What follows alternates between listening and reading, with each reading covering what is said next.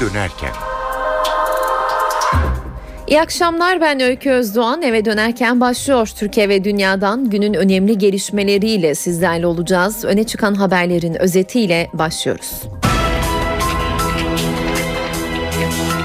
Siyasette Adana valisinin sözleri tartışılıyor. Başbakan o sözleri tasvip etmemekle birlikte valiyi yedirmeyeceğini söyledi. Muhalefet liderleri ise valinin görevden alınmasını istedi. Öğrenci evleri açıklaması başbakanla yardımcısı Bülent Arınç arasındaki fikir ayrılığını gözler önüne sermişti. Arınç bugün partisinin grup toplantısına katılmadı. Başbakansa kürsüden Arınç'a yanlış anlaşılmalar olabilir. Meselelerimizi aramızda konuşup halledelim. Pusuda bekleyenlere fırsat vermeyelim dedi. Diyarbakır tarihi günü bekliyor. Cumartesi günü gerçekleşecek Başbakan Barzani buluşması öncesi kentte hazırlıklar sürüyor. Aynı gün Kürt sanatçı Şivan Perver de sahneye çıkıp türkücü İbrahim Tatlıses'le düet yapacak. Perver bu ziyaretle 37 yıl aradan sonra yeniden Türkiye'ye gelmiş olacak. Avrupa İnsan Hakları Mahkemesi Türkiye hakkında kritik bir karar açıkladı. Mahkeme Ankara'yı bundan 19 yıl önce Şırnak'ta gerçekleşen hava saldırısı nedeniyle mahkum etti. Kararın ayrıntılarını Strasbourg'a bağlanıp alacağız. Gezi eylemleri sırasında dövülerek öldürülen Ali İsmail Korkmaz'ın davası güvenlik gerekçesiyle Eskişehir'den Kayseri'ye alındı. Marmaray'da 15 günlük ücretsiz geçiş sona eriyor. Vatandaşlar yarından itibaren İstanbul Kart veya Akbil'le 1 lira 95 kuruş ödeyerek iki yaka arasında yolculuk yapabilecek. Mısır'da olağanüstü hal kaldırıldı. Sokağa çıkma yasağı da bugün itibariyle sona eriyor.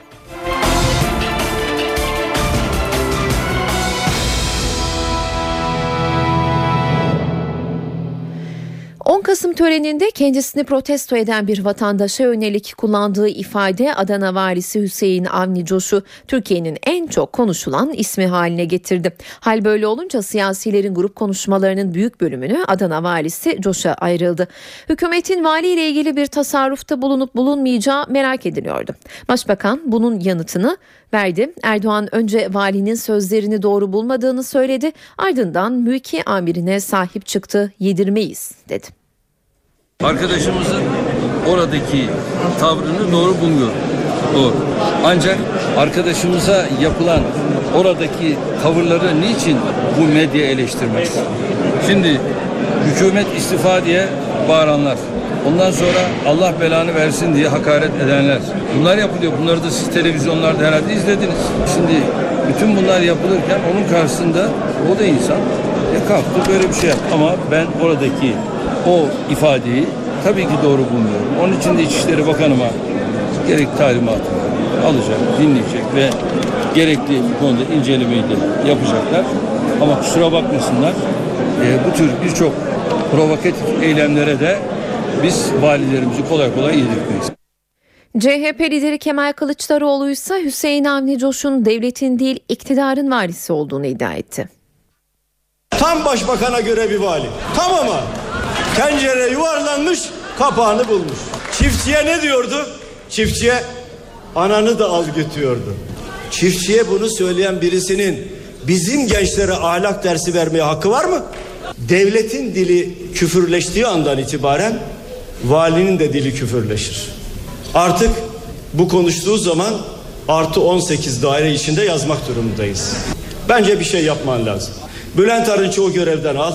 Onu yerine bu valiyi getir, hükümet sözcüsü yap. Bunu da bakan koltuğuna getir, oturt. Çünkü yolsuzluk yapanlar yükseliyor, halka küfür edenler de yükseliyor.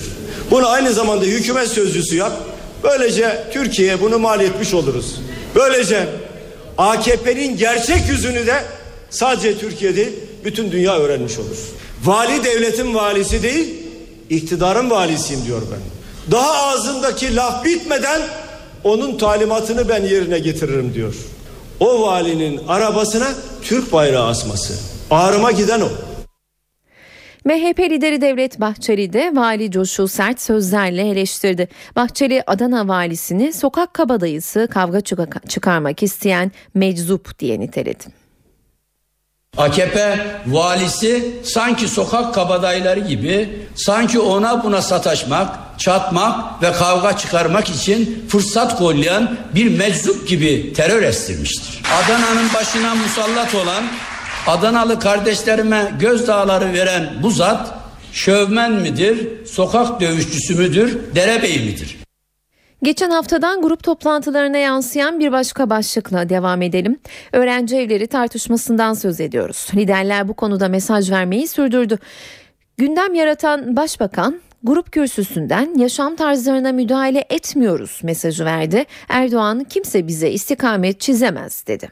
Attığımız her adımda ağzımızdan çıkan her cümleyle birlikte bir koronun yaşam tarzımıza müdahale ediliyor diyerek bir karalama kampanyası başlattığını görüyoruz. Biz birileri hazzetmiyor diye muhafazakar kimliğimizden, birileri hazzetmiyor diye demokrat kimliğimizden de vazgeçmeyiz.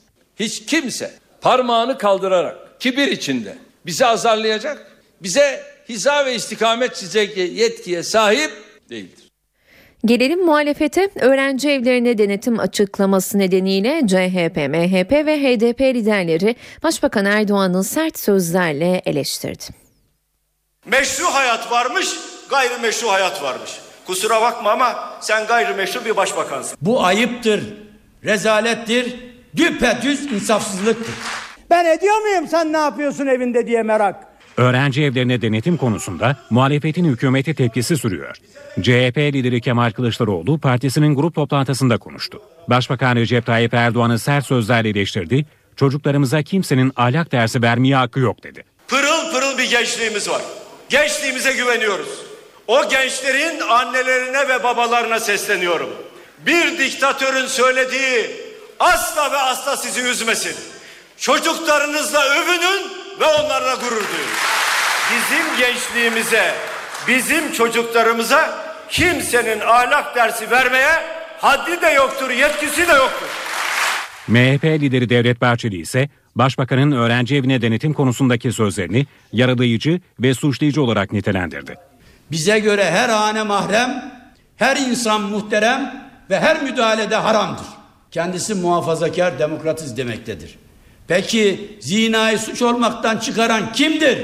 HDP eş genel başkanı Ertuğrul Kürkçü ise Başbakan Erdoğan'ın halkı kışkırtmak istediğini savundu.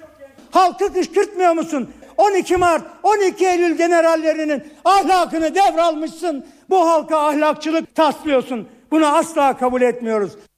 Başbakan Erdoğan'ın kızlı erkekli öğrenci evlerine müdahale açıklamasının ardından önce bu haberi yalanlayan başbakanın haberi doğru olduğunu açıklamasının ardındansa birilerinin kum torbası haline getirilmek istemem diyerek sistemde bulunan Bülent Arınç bugün AK Parti'nin grup toplantısına katılmadı. Arınç'ın başbakanın kürsüde konuştuğu dakikalarda Deniz Kuvvetleri Komutanı Oramiral Bülent Bostanoğlu'nu karargahında ziyaret ettiği ortaya çıktı.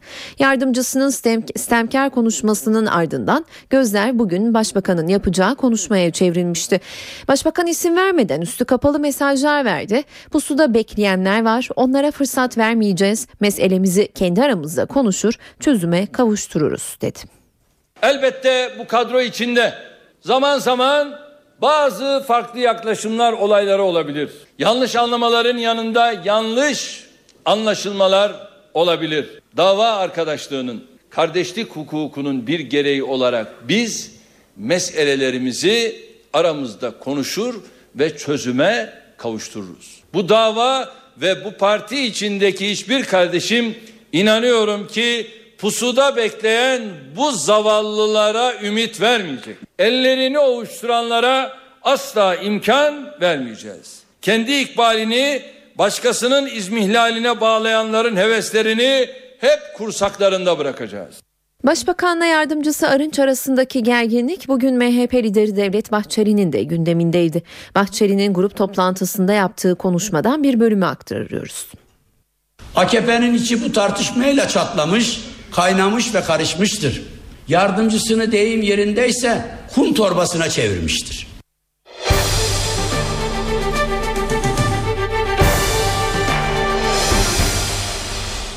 Avrupa İnsan Hakları Mahkemesi Türkiye'yi bundan 19 yıl önce Şırnak'ta düzenlenen hava saldırısı konusunda mahkum etti.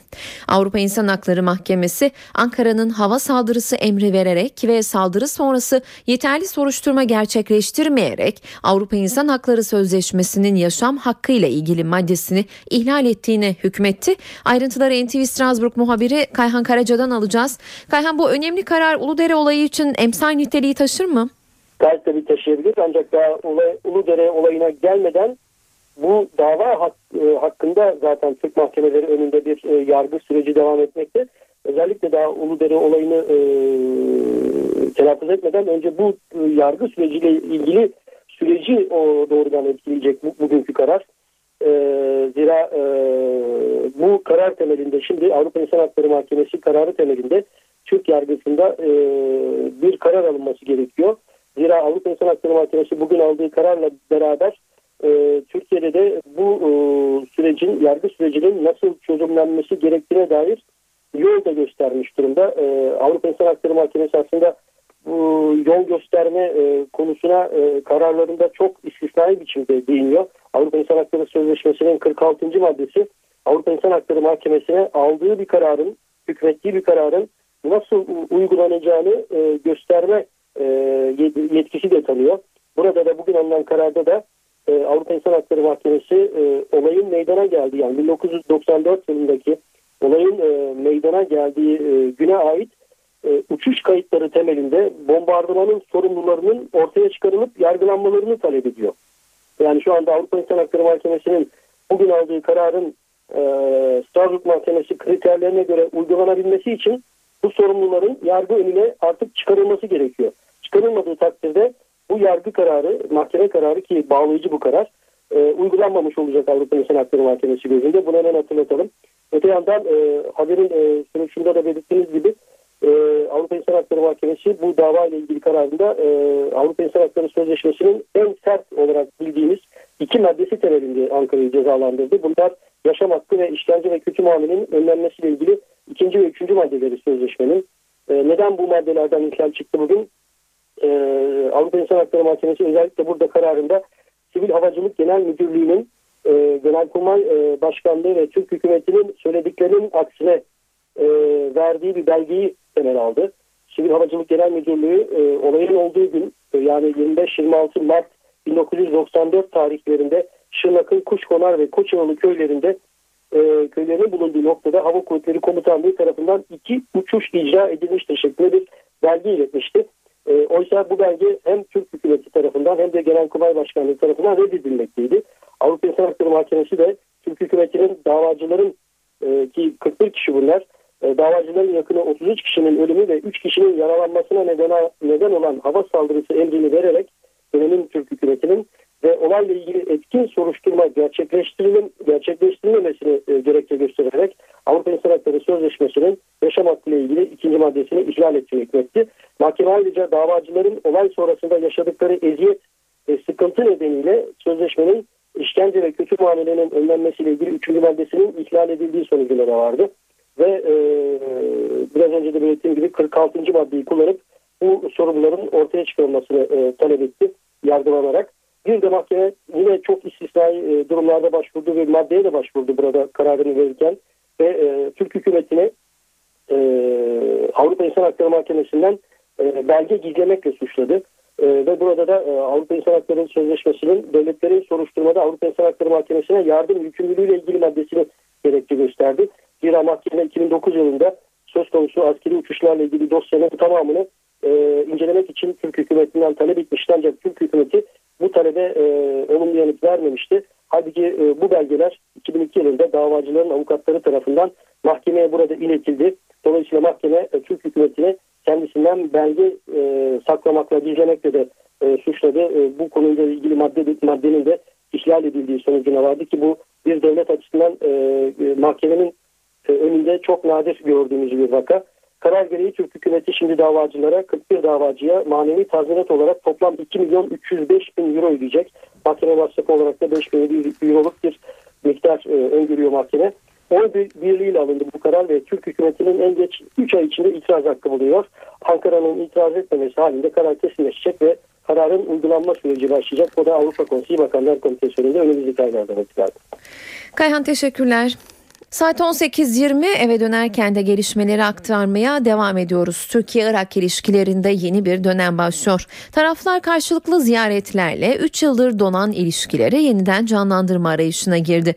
Önce Irak Dışişleri Bakanı Hoşer Zebari Ankara'ya geldi. Ardından Ahmet Davutoğlu Bağdat'a gitti. Davutoğlu'nun Bağdat temaslarını takip eden NTV muhabiri Deniz Kilislioğlu Irak'ın iki numarasıyla özel bir röportaj gerçekleştirme imkanı buldu. Iraklı bakan gelinen son duruma dair öz eleştiri ve itiraflarda bulundu normalleşme çalışmalarına ilişkin bilgiler verdi.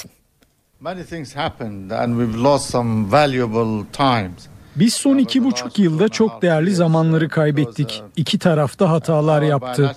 Farklılıkları ifade etmekte resmi ve diplomatik kanallardansa basın üzerinden gittiler. Bu durumu alevlendirdi, atmosferi zehirledi. Öz eleştiri ve itiraf Irak Dışişleri Bakanı Hoşer Zebari'den. Zebari Türkiye ile yeniden yakınlaşma sürecini Dışişleri Bakanı Ahmet Davutoğlu'nun Irak seyahati sürerken Bağdat'ta NTV'ye anlattı. Foreign Minister of Turkey is in Baghdad. This is uh, an important visit. Türkiye Cumhuriyeti'nin Dışişleri Bakanı Bağdat'ta. Bu çok önemli bir ziyaret. Zamanlaması çok iyi. Bu ekonomi, enerji, güvenlik gibi birçok alanda ilişkileri yeniden kurmak için bize yardım ediyor. Geçmişe değil, geleceğe bakıyoruz. Zebari iki ülke ilişkileri normalleştirme kararını neden şimdi aldı sorusuna iki tarafında buna ihtiyacı vardı yanıtını verdi. Suriye krizine vurgu yaptı, Irak'ın istikrarının da bozulduğunu söyledi. Türkiye bizim bölgedeki en büyük ticari ortağımız. Aynı zamanda Suriye krizi iki tarafı da etkiliyor. Irak tek güzergah oldu oluyor. Suriye istikrara kavuşuncaya kadar da böyle olacak. Suriye kriziyle kesinlikle bir bağ var. Bombalı saldırılar arttı. Irak sadece Ekim ayında bine yakın kişinin öldüğü bombalı saldırılarla mücadele için Amerika Birleşik Devletleri'nden ek askeri teçhizat talep etti. Peki Türkiye ile işbirliği yapılabilir mi? Irak Dışişleri Bakanı gelecek günlerde güvenlik birimleri arasında irtibat olabilir dedi.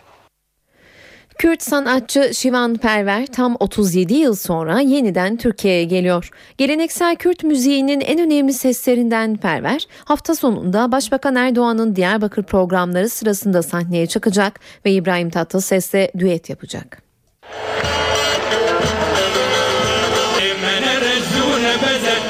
300 aileyi evlendireceğiz cumartesi günü. Bu evlilik töreninde de bir başka renk katalım istedik.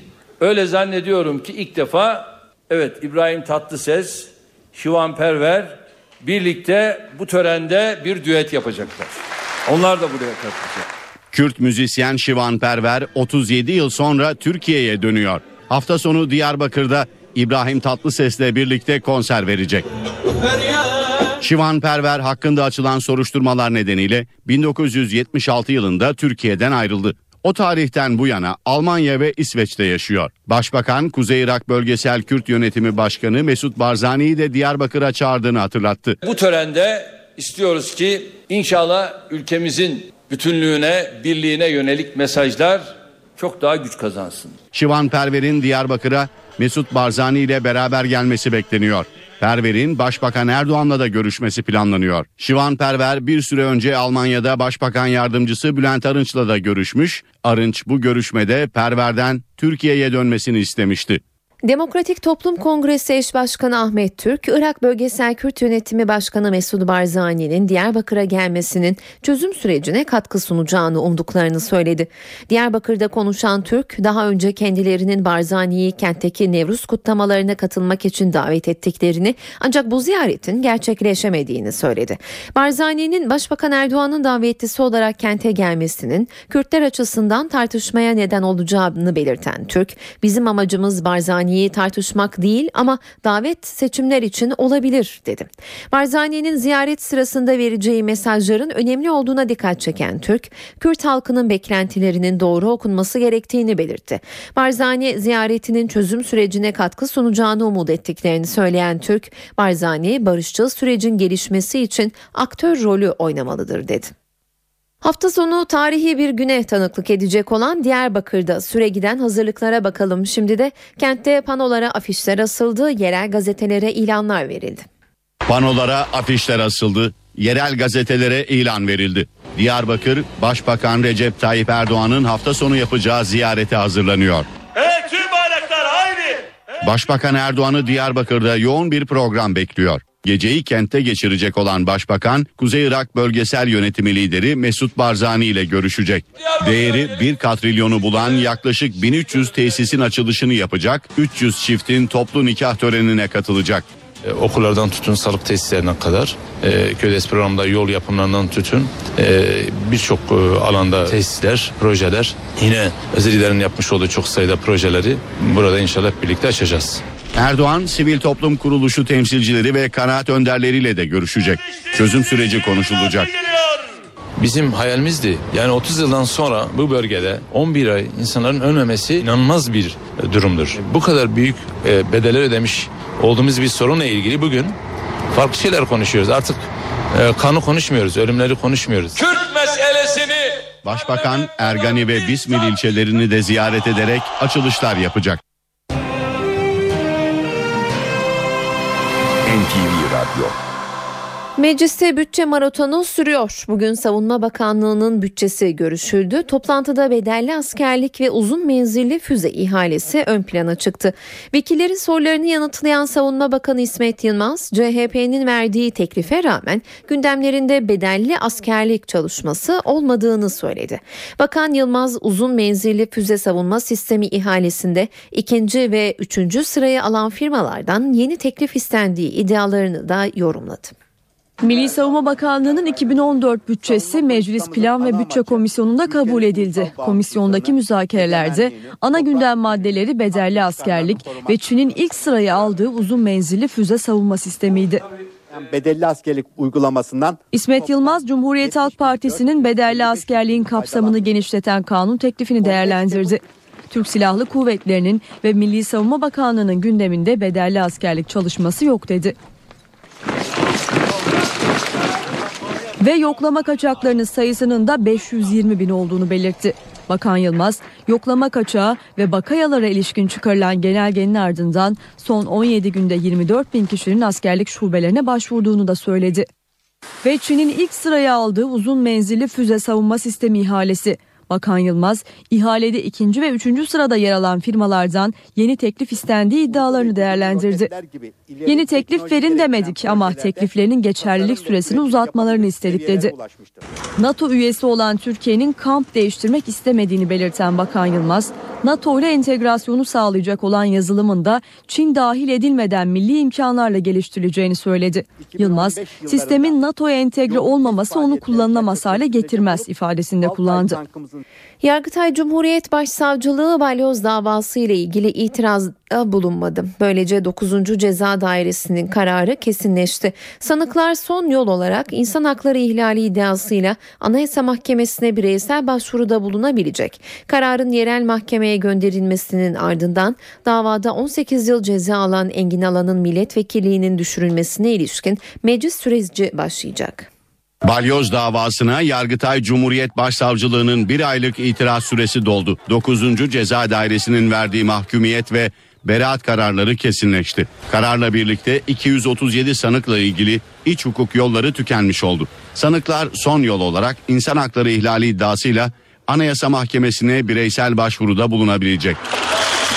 Kararın kesinleşmesiyle davada 18 yıl hapis cezasına çarptırılan MHP İstanbul Milletvekili Engin Alan'ın milletvekilliğinin düşürülmesi için meclis süreci de başlamış oldu. Yargıtay kararı İstanbul 10. Ağır Ceza Mahkemesi'ne gönderecek. İnfaz hakimliği de meclis başkanlığına iletecek. Alanla ilgili kesinleşmiş mahkumiyet kararı Meclis Genel Kurulu'nda okunacak ve kararın okunmasıyla Engin Alan'ın milletvekilliği düşecek. Kararın ne zaman okutulacağına ise Meclis Başkanı Cemil Çiçek karar verecek. Azerbaycan Devlet Başkanı İlham Aliyev Ankara'da. Aliyev baş, başkentte en üst düzeyde ağırlanıyor. Konuk lider Cumhurbaşkanı Abdullah Gül ile köşkte görüştü. Gül Aliyev'e devlet nişanı verdi. İkilinin görüşmesinde Dağlık Karabağ sorunu masaya yatırıldı.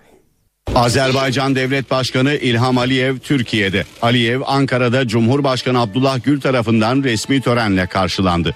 Merhaba asker. Konuk devlet başkanına törenle devlet nişanı verildi. Zamanında umum milli lider, büyük devlet adamı Haydar Aliyev'e de tercih edilen devlet nişanını bu defa Aliyev ailesinin bir başka saygın mensubuna takdim etmekten büyük bir onur duydum. İlham Aliyev de Cumhurbaşkanı Gül'e Haydar Aliyev nişanı takdim etti. Törene Başbakan Recep Tayyip Erdoğan'la eşi Emine Erdoğan da katıldı. İlham Aliyev Ankara'daki temasları çerçevesinde çarşamba günü Başbakan Tayyip Erdoğan'la yüksek düzeyli stratejik işbirliği toplantısına katılacak.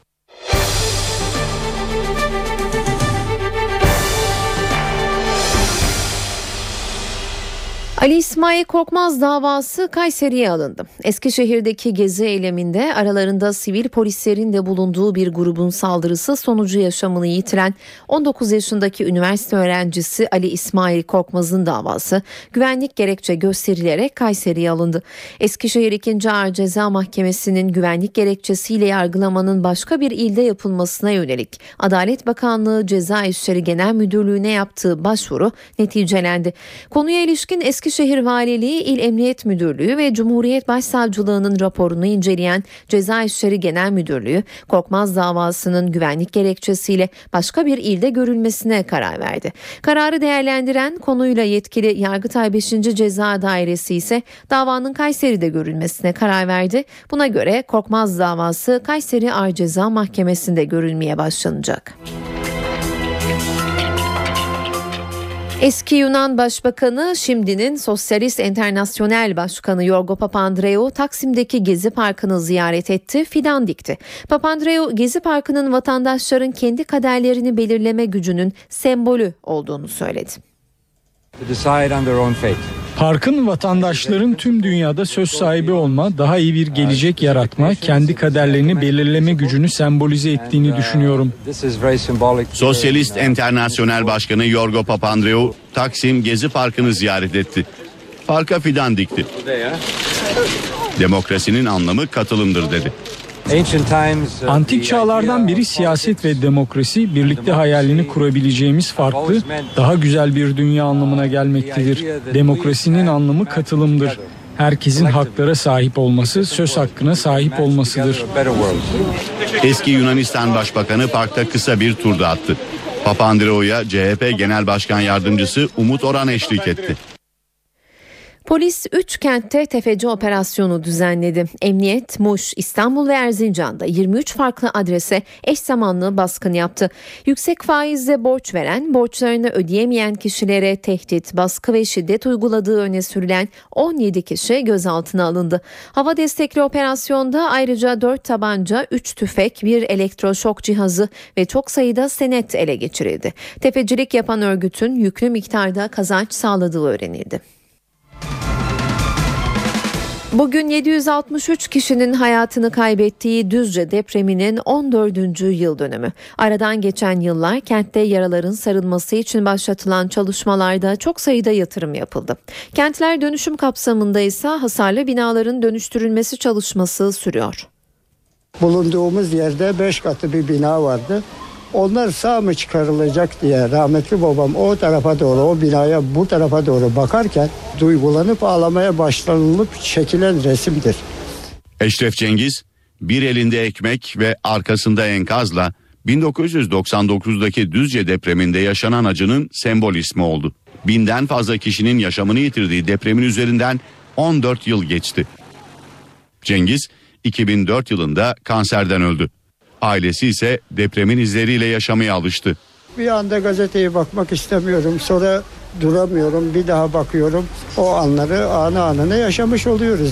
Düzce büyük depremlerden ilkini 17 Ağustos 1999'da yaşadı.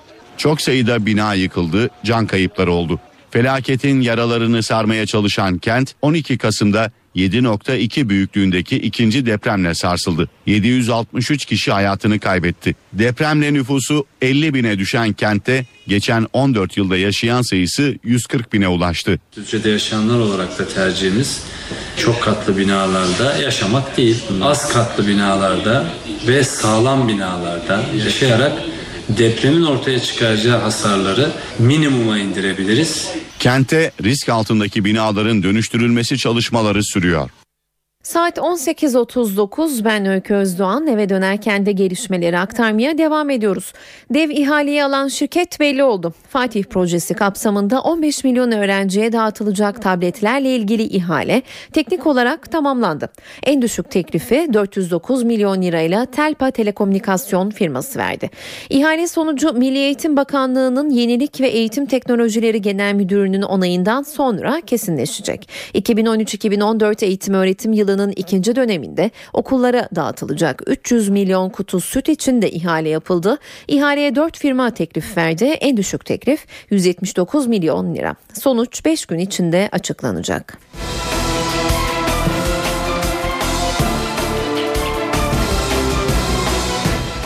Olta ile izinsiz balık avı yasaklanıyor. Tarım Bakanlığı balıkçılara ve balıkçı teknelerine yönelik kuralların sil baştan belirlendiği su ürünleri kanun tasarısını tamamladı. Tasarıya göre 18-60 yaş arasındaki kişilerin spor veya dinlenme amaçlı balık avcılıkları bakanlık iznine bağlanacak. Yani gölde, deniz kenarında oltayla ya da kayık ve teknelerle hobi amaçlı balık tutanlar önce bakanlıktan izin alacak. Bunu ihlal edenler 200 lira para cezası cezasına çarptırılacak.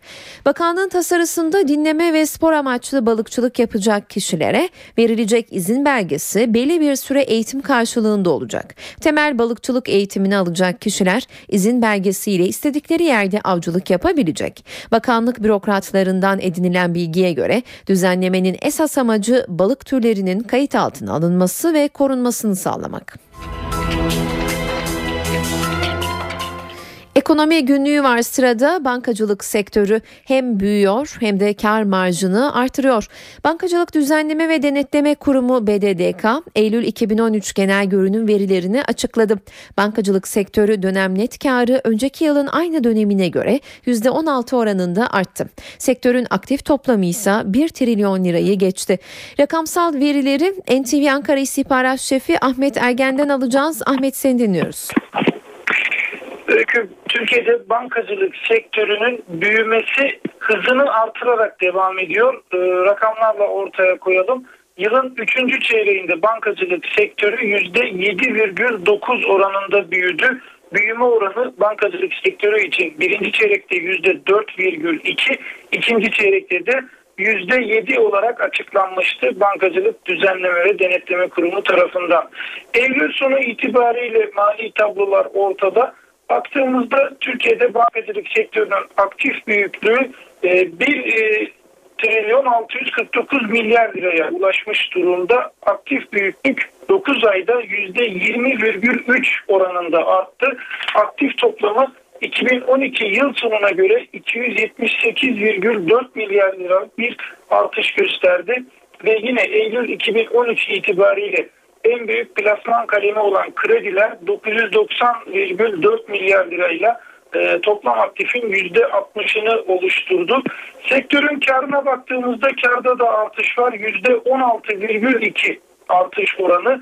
2013 Eylül sonu itibariyle bankaların karı 19 milyon 851 milyon lira ve e, bir önceki yılın 2012'nin aynı dönemine göre 2 milyar 762 milyon liralık bir artış söz konusu karlılıkta. Sektörün aktif karlılığı %1,8, öz kaynak karlılığı ise %15,5'a yakın artmış durumda. Sermaye yeterliliği standart oranı bankacılık sektöründe en önemli göstergelerden biri. Eylül sonu itibariyle %15,7 seviyesinde. Yine kredilerin takibe dönüşüm oranına baktığımızda %2,8 2012'nin sonunda bu oran %2,9'du. Bir notu daha aktaralım. Kredi kartları e, alacağının %57,7'si taksitli alacaklardan oluşuyor. Burada nasıl bir değişim var? Bunu da 2010 yılı sonuna göre aktaralım. 2010 yılı sonunda %44,4'lü taksitli alacaklar kredi kartları içinde. Baktığımızda %13'ten fazla bir artış var. Taksitli alacaklarında kredi kartlarının. Ahmet teşekkürler. NTV Ankara İstihbarat Şefi Ahmet Ergen telefon hattımızdaydı. Dünyada iki kıta arasında koşulan tek maraton olan İstanbul Maratonu bu hafta sonu koşulacak. Koşu için rekor başvuru oldu. Tam 100 bin kişi kayıt yaptırdı. 5 gün kala İstanbul Büyükşehir Belediyesi Başkanı Kadir Topbaş'tan önemli bir açıklama geldi. Topbaş risk oluşmaması için maratona katılanların küçük gruplar şeklinde köprüden geçmelerine müsaade edileceğini söyledi. Köprüyle ilgili geçen yıl biliyorsunuz daha önceki yılda bazı tedbirler aldık. Halk maratonundaki geçiş sırasında köprü üzerinde beklememeleri için uyarılar. Diğer taraftan köprüye girişte faslalarla yani 100 bin ve üzerindeki katılımda daha küçük gruplar şeklinde 15'er dakikalık aralıklarla köprüye giriş verilecek ve köprü üzerinde bekleme yapılmadan belirli bir yürüyüş içerisinde e, geçilmesi sağlayacak bir sistem getiriyoruz. Tabii köprüde bir risk oluşmasın diye tedbirler alınıyor. Asya ile Avrupa'yı deniz altından tünelle bağlayan ve açılışı Cumhuriyet Bayramı'nda yapılan Marmaray'da Başbakan Erdoğan'ın talimatıyla 15 gün olan ücretsiz taşıma sona eriyor. Marmaray bugün son kez ücretsiz kullanılacak. Vatandaşlar yarından itibaren İstanbul Kart veya Akbil'le 1.95 lira ödeyerek iki yaka arasında yolculuk yapabilecek.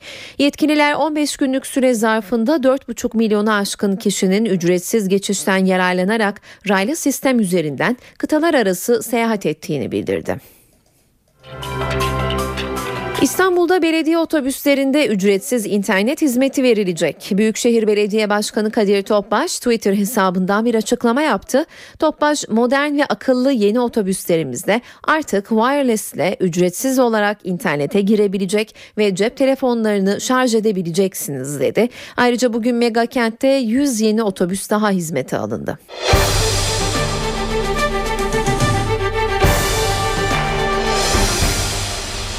Mısır'da olağanüstü hal kaldırıldı. Mısır İdare Mahkemesi süresi perşembe günü dolacak olan olağanüstü halin kaldırılmasına karar verdi.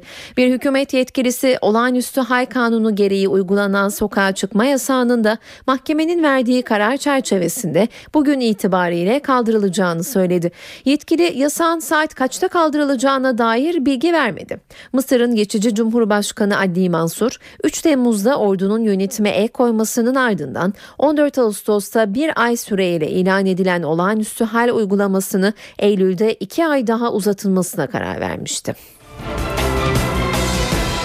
Filipinler'de yıkım büyük. Ülkede Haiyan tayfununun yaraları sarılmaya çalışılıyor ancak bu kolay olmayacak gibi.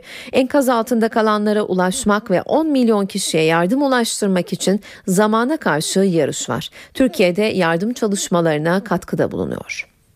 Filipinleri vuran Haiyan tayfunu binlerce kişinin hayatına mal olurken geride kalanları büyük bir yaşam mücadelesi bekliyor. Enkaz altında kalanları kurtarmak ve bölgeye yardım ulaştırmak için zamana karşı yarış var. Zira tayfunun vurduğu adalarda barınacak yer kalmadı. Gıda, su ve ilaç sıkıntısı da büyük. Bir yandan Filipinler hükümeti, diğer yandan uluslararası yardım kuruluşları uçak ve gemilerle bölgeye sevkiyat yapmaya çalışıyor. Türkiye'den gönderilen yardım malzemeleri de Başbakan Yardımcısı Beşir Atalay tarafından Filipinli yetkililere teslim edildi. Öncelikler çok açık. İnsanların şimdi gıdaya ihtiyacı var. İçmek ve yıkanmak için temiz suya, hijyen malzemelere ihtiyaç var. Etraf çok kirli. Yaraları olanlar kısa sürede çok hasta olacak. Tayfunun en fazla etkili olduğu Tacloban kentinde evlerini kaybedenler bölgeden ayrılabilmek için havaalanında yardım uçaklarına binmeye çalışıyor. Bizim kasabamızda medya yok, yardım malzemesi de yok. Ne yapmamızı bekliyorlar? Adeta enkaz yığınına dönen kentte yol kenarları cansız bedenlerle dolu. Yetkililer salgın hastalıklardan endişe duyuyor. Kurbanların kimliklerini tespit edebilmek için en iyisini yapmaya çalışıyoruz ama görevimiz zorlu olabilir. Çünkü çok can kaybı var ve bizim zamanımız daralıyor. Tüm bu olumsuzluklara ek olarak ikinci bir tayfun olasılığı da yetkilileri endişelendiriyor. Önümüzdeki günlerde bölgeyi yeni bir tayfunun vurması halinde bilançonun çok daha yüksek olacağı belirtiliyor. Haiyan tayfunu bir noktada kalmıyor. Bölgeyi gezmeyi sürdürüyor. Tayfun Filipinlerin ardından Çin'e uğradı. Bilanço en azından şimdilik çok ağır değil. Ülkenin güneyinde 5 kişi yaşamını yitirdi. Filipinlerin bazı bölgelerini yerle bir eden Haiyan tayfunu şimdi de Çin'i vuruyor. Tayfunun şiddeti azalsa da Çin'in güneyinde bölgeler sular altında kaldı. Bir köprüye yardıma giden gemi akıntının da etkisiyle devrildi. Haiyan tayfunu Çin'in güneyinde can kaybına ve maddi hasara neden oldu. Dongxi kentinde cadde ve geçitlerin sular altında kalmasıyla araçlar yolda kaldı. Motosiklet kullanıcılarıyla yayalar da zor anlar yaşadı. Mahsur kalanların yardımına ordu birlikleri yetişti. Tayfun Çin'de 1 milyon kişiyi etkilerken 25 bin kişi yerlerinden oldu. Polonya'da Bağımsızlık Günü kutlamaları olayla geçti. Başkent Varşova'da karşıt görüşlü gruplar birbirine girdi. Polis göz yaşartıcı gaz ve plastik mermi kullandı. 20'den fazla kişi gözaltına alındı. Polonyalılar bağımsızlık gününü kutladı. Kutlamalar kapsamında ülkedeki aşırı sağcı gruplar da bir yürüyüş düzenledi. Bir süre sonra kortejden ayrılan bir grup solcuların kontrolündeki bir işgal evine saldırdı. Evdekiler taş ve meşaleler atan sağcı gruplara binanın çatısından taş ve molotof kokteylleri atarak karşılık verdi. Olaylar sırasında çevredeki araçların camları kırıldı, bir otomobilde ateşe verildi. Polislerin olay yerine gelmesiyle son bulan çatışmada iki polis memuru ve 10 kadar gösterici yaralandı. Şiddet olayları bununla sınırlı kalmadı. Gece saatlerinde Rusya Büyükelçiliği'nin önüne gelen aşırı sağcı göstericiler havai fişeklerle saldırı düzenledi. Büyükelçilik binasının bahçesinde küçük çaplı bir yangın çıktı. Polis göstericilere plastik mermi ve göz yaşartıcı gazla müdahale etti. Olaylarda 20'den fazla gösterici gözaltına alındı. Güney Asya ülkelerinden Kamboçya ve Bangladeş'te zam isteyen tekstil işçileri polisle çatıştı. Kamboçya'daki olaylarda bir kadın işçi öldü. Çok sayıda işçi de gözaltına alındı. Bangladeş'te ise öfkeli işçileri bir fabrikayı ateşe verdi. Kamboçya'nın başkenti Phnom Penh'de tekstil işçilerinin protestosu çatışmaya dönüştü. Zam talep eden tekstil işçileri başbakanın konutuna yürümek isteyince güvenlik güçlerinin müdahalesiyle karşılaştı. Öfkeli kalabalık polise taş attı, bir polis aracını da yaktı. Güvenlik güçleri ise basınçlı su ve göz yaşartıcı gazla karşılık verdi. Olayda can kaybı ve yaralananlar olurken polisin gözaltına alınanlara yönelik sert müdahalesi dikkat çekti. Kamboçyalı tekstil işçileri aylık 80 dolar olan maaşlarının 150 dolara yükseltilmesini istiyor. Tekstil işçilerinin sokağa döküldüğü bir diğer ülkede Bangladeş oldu. Başkent Dhaka yakınlarında zam için gösteri yapan işçilerle polis karşı karşıya geldi. İşçiler bir tekstil fabrikasını da ateşe verdi. Polis işçileri dağıtmak için plastik mermi ve göz yaşartıcı gaz kullandı. Tekstil sektöründe Bangladeşli işçiler 38 dolarla dünyanın en düşük ücretini alıyor. Bu ücretle nasıl yaşayacağımızı bize söyleyin. Bizim yaşama hakkımız yok mu? Bangladeş'te geçen Nisan ayında tekstil atölyelerinin bulunduğu bir binanın çökmesiyle binden fazla işçi yaşamını yitirmişti. Saat 19 ben Öykü Özdoğan eve dönerken günün öne çıkan gelişmelerinden başlıklarla devam ediyoruz.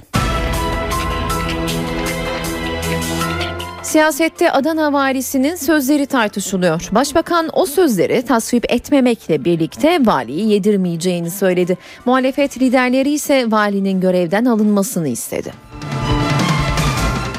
Öğrenci Evleri açıklaması Başbakan'la yardımcısı Bülent Arınç arasındaki fikir ayrılığını gözler önüne sermişti. Arınç bugün partisinin grup toplantısına katılmadı. Başbakansa kürsüden Arınç'a yanlış anlaşılmalar olabilir, meselelerimizi aramızda konuşup halledelim, pusuda bekleyenlere fırsat vermeyelim diye seslendi. Diyarbakır tarihi günü bekliyor. Cumartesi günü gerçekleşecek Başbakan Barzani buluşması öncesi kentte hazırlıklar sürüyor. Aynı gün Kürt sanatçı Şivan Perver de sahneye çıkıp türkücü İbrahim Tatlıses'le düet yapacak. Perver bu ziyaretle 37 yıl aradan sonra yeniden Türkiye'ye gelmiş olacak. Avrupa İnsan Hakları Mahkemesi Türkiye hakkında kritik bir karar açıkladı. Mahkeme Ankara'yı bundan 19 yıl önce Şırnak'ta gerçekleşen hava saldırısı nedeniyle mahkum etti. Gezi eylemleri sırasında dövülerek öldürülen Ali İsmail Korkmaz'ın davası güvenlik gerekçesiyle Eskişehir'den Kayseri'ye alındı. Marmaray'da 15 günlük ücretsiz geçiş sona eriyor. Vatandaşlar yarından itibaren İstanbul Kart veya Akbil'le 1 lira 95 kuruş ödeyerek iki yaka arasında yolculuk yapabilecek. Mısır'da olağanüstü hal kaldırıldı. Sokağa çıkma yasağı da bugün itibariyle sona eriyor.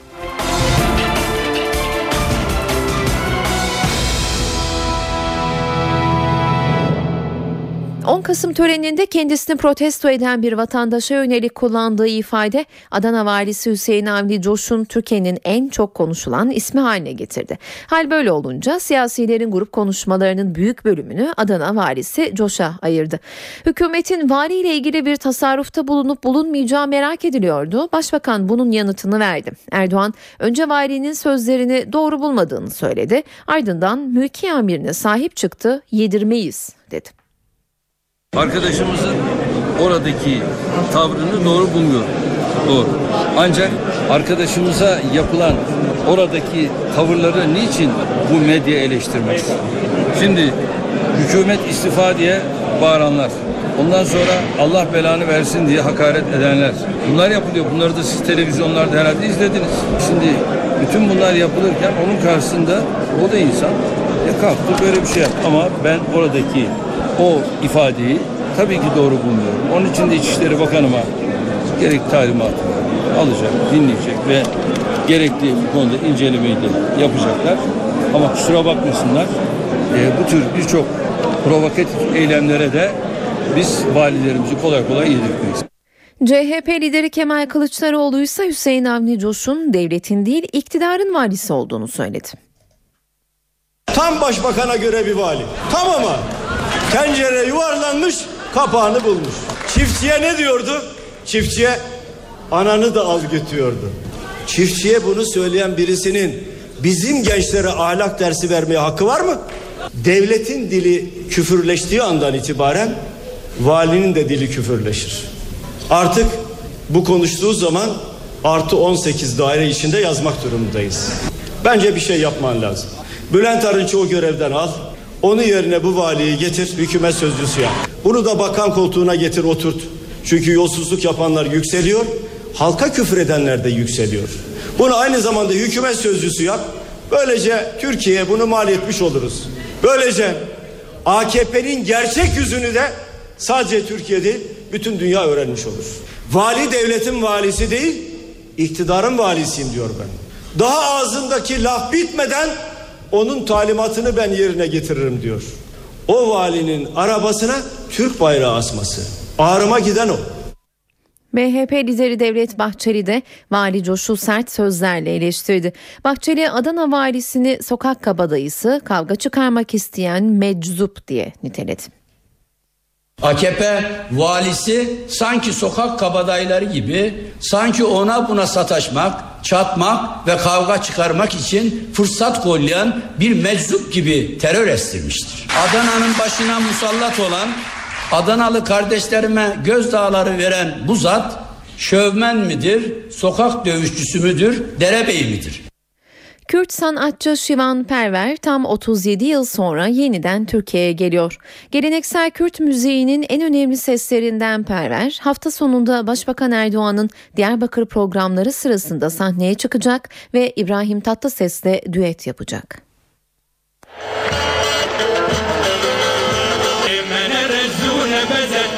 300 aileyi evlendireceğiz cumartesi günü. Bu evlilik töreninde de bir başka renk katalım istedik. Öyle zannediyorum ki ilk defa evet İbrahim Tatlıses, Şivan Perver birlikte bu törende bir düet yapacaklar. Onlar da buraya katılacak. Kürt müzisyen Şivan Perver 37 yıl sonra Türkiye'ye dönüyor. Hafta sonu Diyarbakır'da İbrahim Tatlıses'le birlikte konser verecek. Şivan Perver hakkında açılan soruşturmalar nedeniyle 1976 yılında Türkiye'den ayrıldı. O tarihten bu yana Almanya ve İsveç'te yaşıyor. Başbakan Kuzey Irak Bölgesel Kürt Yönetimi Başkanı Mesut Barzani'yi de Diyarbakır'a çağırdığını hatırlattı. Bu törende istiyoruz ki inşallah ülkemizin bütünlüğüne, birliğine yönelik mesajlar çok daha güç kazansın. Şivan Perver'in Diyarbakır'a Mesut Barzani ile beraber gelmesi bekleniyor.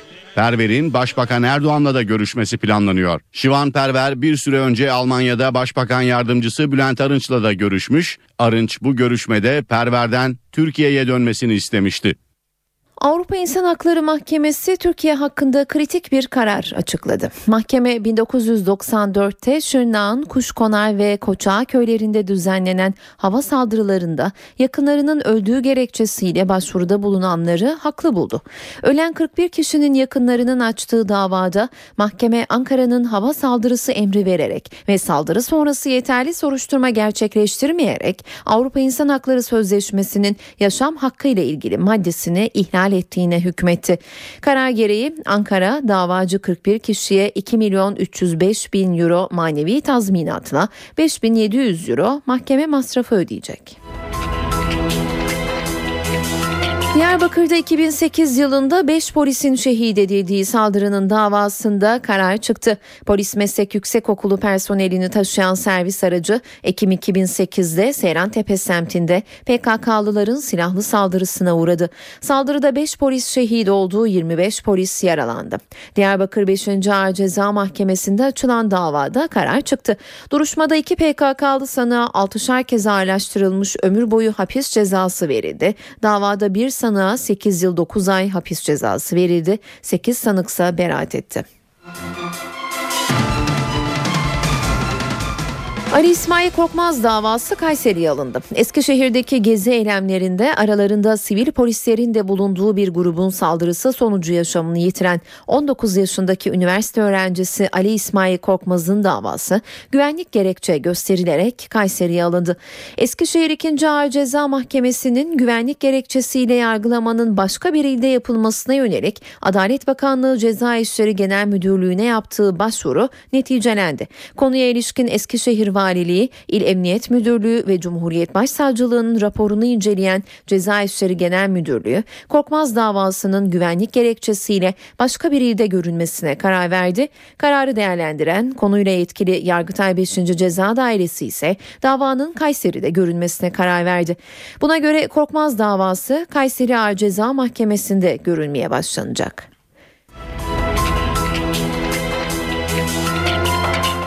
Saat 19.14 ben Öykü Özdoğan eve dönerken de spor gündeminden öne çıkan gelişmeler var sırada.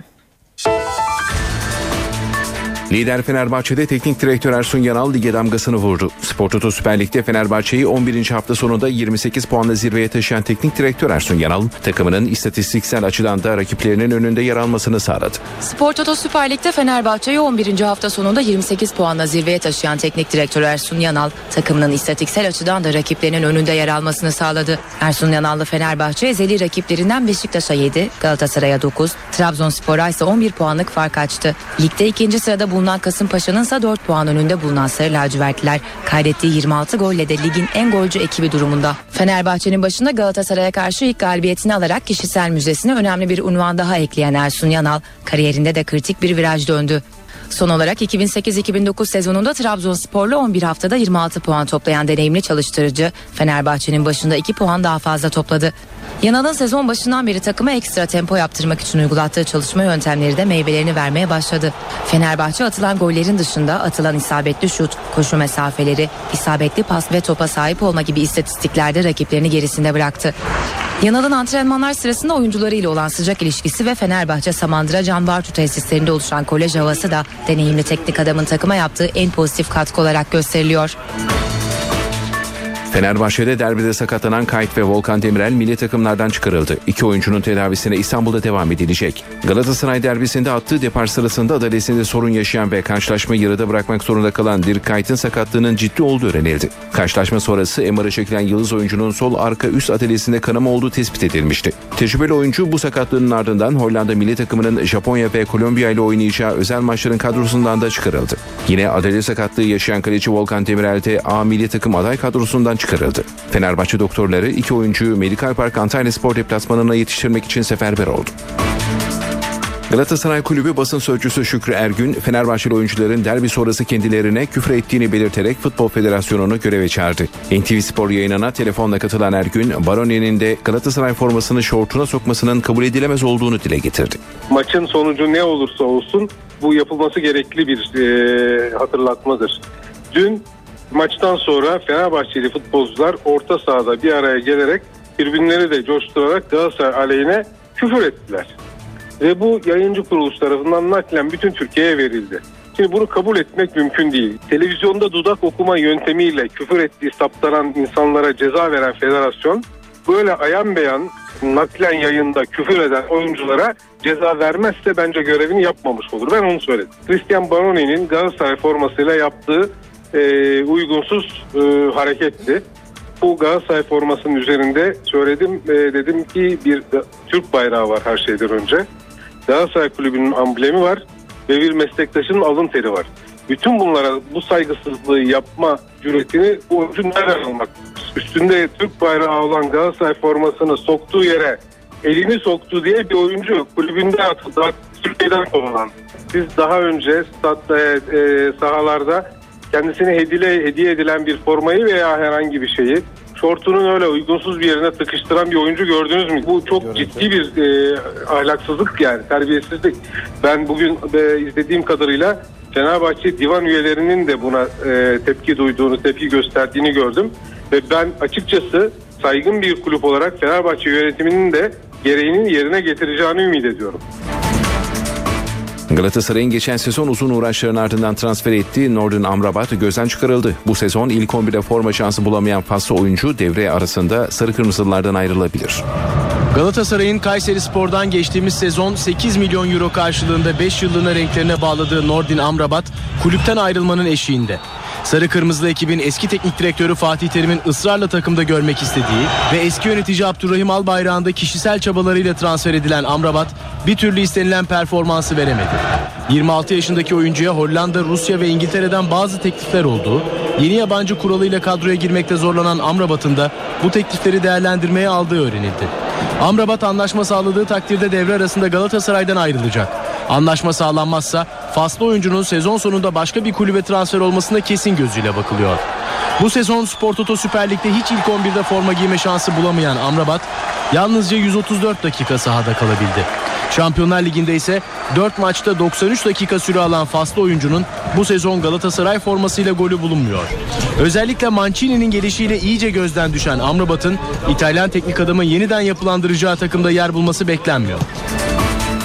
Beşiktaşlı gündem yine sol bek. Motta'nın kırmızı kart cezalısı olmasının ardından teknik direktör Slaven Bilic'in sol bekte kime şans vereceği merak konusu. Beşiktaş'ta Kayseri Spor karşılaşmasında kırmızı kart gören Ramon 12. haftadaki Torku Konya Spor maçında forma giyemeyecek. Ramon'un yokluğunda teknik direktör Slaven Bilic'in elinde bu sezon hiç şans vermediği 3 sol bek bulunuyor. İki kez yaşadığı ağır sakatlık sonrası sahalara dönmeye hazırlanan İsmail Köybaşı, Ocak ayında yaşadığı sakatlığı geride bırakan Uğur Boral ve Gökhan Süzen, Hırvat teknik adamın tercihleri arasında yer alıyor. Ancak 3 futbolcunun da bu sezon A takımda hiç forma giymemiş olmaları teknik kadroyu düşündürüyor. Sezonun ilk haftalarında sol bek yokluğu nedeniyle Ersan Gülüm'ü savunmanın solunda görevlendiren Bilic, Torku Konya Spor maçı öncesinde ise kadrosundaki sol beklerden tercih yapmaya çalışacak. İsmail Köybaşı'nın 2012 Mayıs ayında yaşadığı sakatlık sonrası geride kalan bir buçuk yıldaki transfer dönemlerinde sol bek arayışına giren Beşiktaş'ta bugün itibarıyla bu sezon hiç forma giymeyen 3 sol bek bulunması ise ilginç bir durum olarak göze çarpıyor. FIFA yılın en güzel golünü kaydeden futbolculara verdiği Puşkaş ödülü için adayları açıkladı. Geçtiğimiz sezon Miroslav Stoğ'un kazandığı ödül için 10 futbolcunun golleri oylamaya sunuldu. FIFA'nın her yıl dağıttığı Puşkaş ödülü için adaylar belirlendi. İsveç milli takımının İngiltere ile oynadığı hazırlık maçında rövaşata golüne imza atan İbrahimovic de aday futbolcular arasında yer aldı. 10 aday arasında Neymar'ın Brezilya milli takımıyla Konfederasyon Kupası'nda Japonya filelerine gönderdiği gol de bulunuyor. Ödüle layık görülen futbolcu FIFA resmi sitesi ve France Football dergisi internet sitesi takipçilerinin oylarıyla belli olacak. Oylamada en çok oyu alan futbolcu 13 Ocak 2014 tarihinde Zürih'te yapılacak gala töreniyle Puşkaş ödülüne sahip olacak. Böylece ve dönerken programının sonuna geldik. Ben Öykü Özdoğan. Yarın akşam aynı saatte karşınızda olacağız. Şimdilik hoşçakalın.